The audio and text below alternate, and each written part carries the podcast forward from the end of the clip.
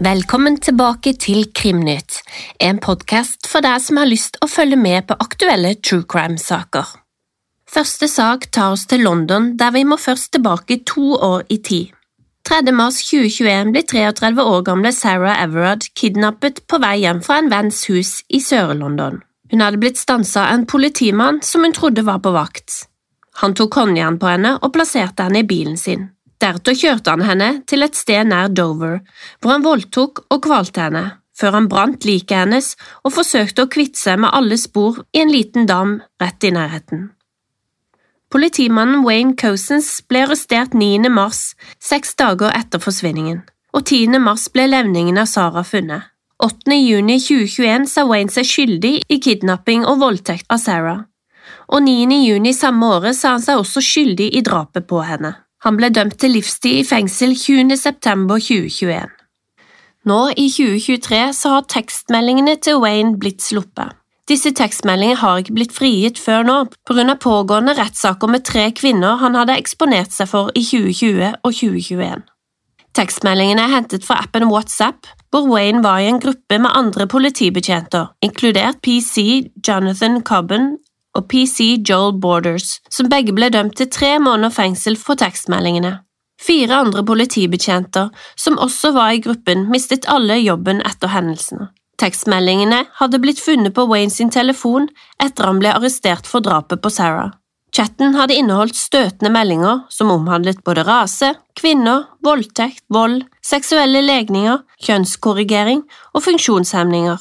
22. februar 2019 hadde Wayne sendt følgende melding i chatten. Den var dødsdrukken, herlig, men husk, Foster, det må være samtykkende. Foster hadde da svart, de trenger bare å si ja én gang. 21. mars 2019 fortalte politibetjent Cobben i gruppechatten at han hadde hatt en utrykning til en bevisstløs kvinne som hadde drukket for mye. Wayne svarte da følgende i chatten, fingret du henne for å se om hun var ok? Denne måneden kunne Sarahs mor følge med da Wayne ble dømt til 19 måneder for tre andre overgrep, i tillegg til livstidsdommen han allerede hadde fått for drapet på Sarah. Wayne skulle være på vakt og arbeidet hjemme fra november 2020, da han istedenfor befant seg i et skogholt og hoppet plutselig frem på en kvinnelig syklist. Han hadde stått helt naken fremfor henne mens han tilfredsstilte seg selv. I februar 2021, ved to anledninger, hadde han eksponert seg selv for to kvinnelige ansatte ved McDonald's drive-in. Da han kom til skranken, hadde han buksene dratt ned til knærne, så kjønnsorganet var godt eksponert. Det siste overfallet hans ble fanget på overvåkningskamera, og det skjedde kun tre dager før han kidnappet, voldtok og drepte Sara. Politiet fikk under siste overfallet en beskrivelse av Wayne, registreringsnummer på bilen og bankdetaljer. Likevel etterforsket ikke politiet noen av overfallene. Ingen avhørte ofrene, og ingen avslørte overgripsmannen som en av sine egne politibetjenter før etter drapet. Kvinnen som ble overfalt av Wayne tre dager før han drepte Sarah, sa i retten tidligere i år at hun gjenkjente bildet av ham i avisen etter arrestasjonen for drapet, og at hun ikke kunne tro at hun hadde blitt overfalt av en som bare dager senere skulle bli drapsmann. Hun uttalte også at hendelsen fikk henne til å innse at politibetjenter også bare er vanlige mennesker, og at noen av dem kan være en trussel og ikke en beskytter. Hun fortalte også at ingen i politiet hadde kontaktet henne før etter Sarah ble drept, og mente bestemt at livet til Sarah kunne vært reddet om politiet hadde tatt anmeldelsen hennes seriøst. Etter dommen falt mot de tre kvinnene, uttalte lederen for Mats-politiet, profesjonelle standard, følgende. Dagens dom reflekterer hvilken påvirkning disse grufulle handlingene utført av Wayne Cousins har hatt på kvinnene han overfalt. Jeg har lest ofrenes vitnesforklaringer, og det er ingen tvil om at han påførte dem traumer og skader. Deres mot har fått ham dømt, og jeg er lei meg for alt de har gått igjennom. Som så mange andre så skulle jeg ønske at han hadde blitt arrestert for disse overfallene før han gikk videre til å kidnappe, voldta og drepe, og jeg beklager det. Mats-politiets håndtering av disse overfallene har blitt gransket uavhengig og eksternt. En politibetjent er blitt siktet for mindre overtramp, og alle omstendighetene rundt Sarah sin død vil bli etterforsket av rettslegen. Det faktum at Wayne utførte disse forbrytelsene samtidig som at han arbeidet som politi, har bringt skam på alle oss som har sverget til å beskytte det samfunnet vi er satt til å passe på. Mine tanker er i dag med alle dem som har blitt et offer for Wayne Cosens, og spesielt Sarah Everards familie. Og vi skal ikke forlate England helt ennå, for akkurat nå så pågår det en rettssak i Manchester Crown Courts. Der er den 33 år gamle sykepleieren Lucy Letby sikta for å ha drept syv premature babyer. Hun skal også ha forsøkt å drepe ti andre babyer, men ikke lykkes. Den ene babyen skal ha blitt drept på sykehuset Countess of Chester i oktober 2015, og under rettssaken som starta i februar i år, så kunne en av ekspertene fortelle at barnet som blir referert til som barn nummer én, må ha vært i ekstreme smerter i sine siste minutter. De mener at hun brukte tre forsøk på å drepe babyen, før hun lykkes med det fjerde forsøket. De mener også at barnet døde ved at luft ble sendt inn i blodsystemet hennes. I retten har det kommet frem at flere leger varslet sykehusets ledelse om sine mistanker om at sykepleieren Lucy Letby skada premature barn. Varselet skal ha kommet minst åtte måneder før hun ble fjernet fra arbeidet. En av den som inntok vitneboksen, var dr. Ravi Jayaram, som skal ha meldt inn bekymringsmeldinger til ledelsen to ganger, i oktober 2015 og februar 2016. Han fortalte også at de hadde forsøkt å få til et møte med ledelsen, men fortalte retten at de ble ignorert i tre måneder og ingenting ble gjort. I mellomtiden ble flere babyer drept, og seks flere forsøk drept, før Lucy Letby endelig ble fjernet fra prematuravdelingen i juni 2016. I retten uttrykte dr. Avi flere ganger at han i etterpåklokskapens lys bare burde gått rett til politiet og ikke hørt på ledelsen som rådet dem til å vente for ikke lage unødvendig støy. Dr. Ravi hadde vært den som i februar i 2016 hadde kommet inn på et rom hvor en baby var i ferd med å dø. Ved sengen sto sykepleier Lucy, og ifølge dr. Ravi gjorde hun ingenting for å forsøke å redde babyen. Dr. Ravi hadde straks satt i gang livreddende arbeid og fikk reddet babyen fra døden. I retten ble dr. Ravi spurt om hvorfor han ikke hadde konfrontert Lucy den kvelden, eller lagt inn et notat med sine mistanker. Han kunne også levert inn en formell klage på Lucy. Dr. Ravi insisterte på at det ikke ble gjort fordi sykehuslegen visste om han og hans kollegers bekymringer. Han forklarte at de tenkte det utenkelige og var helt avhengig av at ledelsen tok grep om saken, men at de med dagens kunnskap ville gjort ting annerledes, og ikke stolt på at ledelsen skulle ordne opp.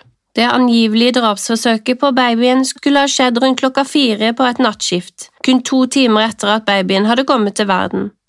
Takket være Ravi lever hun ennå.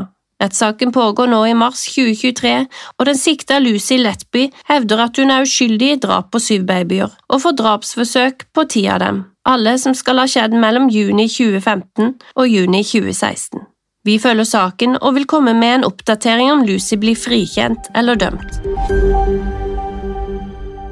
I siste sak så skal vi til Tyskland.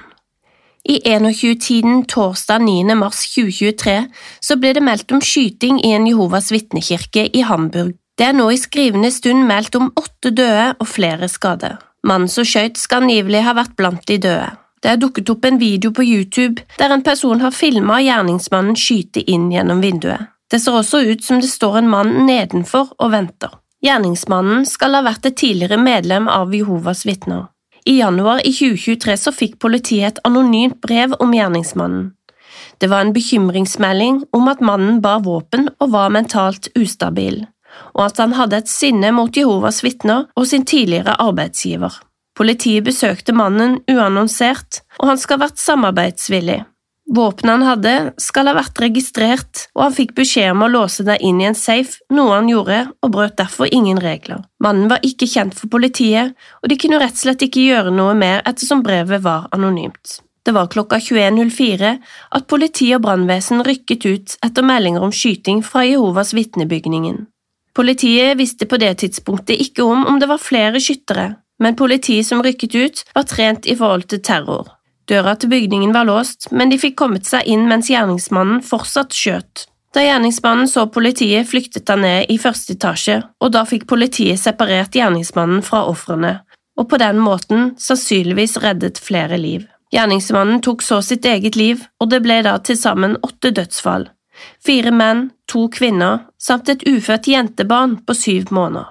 Alle de drepte var tyske statsborgere. Som nevnt var en av de skadde en gravid kvinne. Moren ble skutt, men klarte seg, mens barnet døde i morens mage. Tilbake til videoen som ble lagt ut på YouTube. Den viser en mann som skyter inn gjennom vinduet. Før han kom så langt, så møtte han på en kvinne i en bil. Han kjørte ti ganger mot bilen, men kvinnen klarte å unnslippe. Hun rapporterte dette til politiet. Så kom mannen seg inn gjennom vinduet han skjøt gjennom, for å så skyte videre inne i lokalet. Det var rundt 50 mennesker i rommet, og 20 av dem klarte å flykte ut. Heldigvis ble omfanget begrenset av politiet sin raske ankomst på stedet. Når politiet går inn og analyserer videoen, så ser det ut som to menn på stedet men de sier nå i en pressekonferanse at den andre mannen mest sannsynligvis var en skygge, og at det var kun én skytter. Politiet kom seg senere inn i leiligheten til gjerningsmannen, som er en 35 år gammel ugift mann som de kaller for Philip F. I leiligheten fant politiet mer våpen og ammo. De fikk sikre seg en laptop og andre gjenstander. De fant ikke tegn på tilknytning til terrorgrupper, og Philip F har ikke kriminelt rulleblad. Philip F. var tidligere medlem og forlot Jehovas vitner for 18 måneder siden. Det var kjent at når han forlot kirkesamfunnet, så var det mye følelser omkring det. Det kommer nok mer informasjon om bakgrunnen for hendelsen etter at flere vitner kommer frem. Krimnytt vil følge saken. Det var alt vi hadde denne uka. Ønsker du lengre historier, så kan du nå gå på Krimprat med Lise og Fiona og få historien om Murdoch-familien. Det har jo nettopp vært en rettssak der Alec Murdoch har blitt dømt for drapet på sin kone og sin sønn, og Lise og jeg vi dykker dypt ned i saken og ser på ytterligere fire dødsfall som er knytta til familien Murdoch. Vi på Krimnytt høres igjen neste uke. Ta gjerne turen innom Instagrammen vår, og følg med der.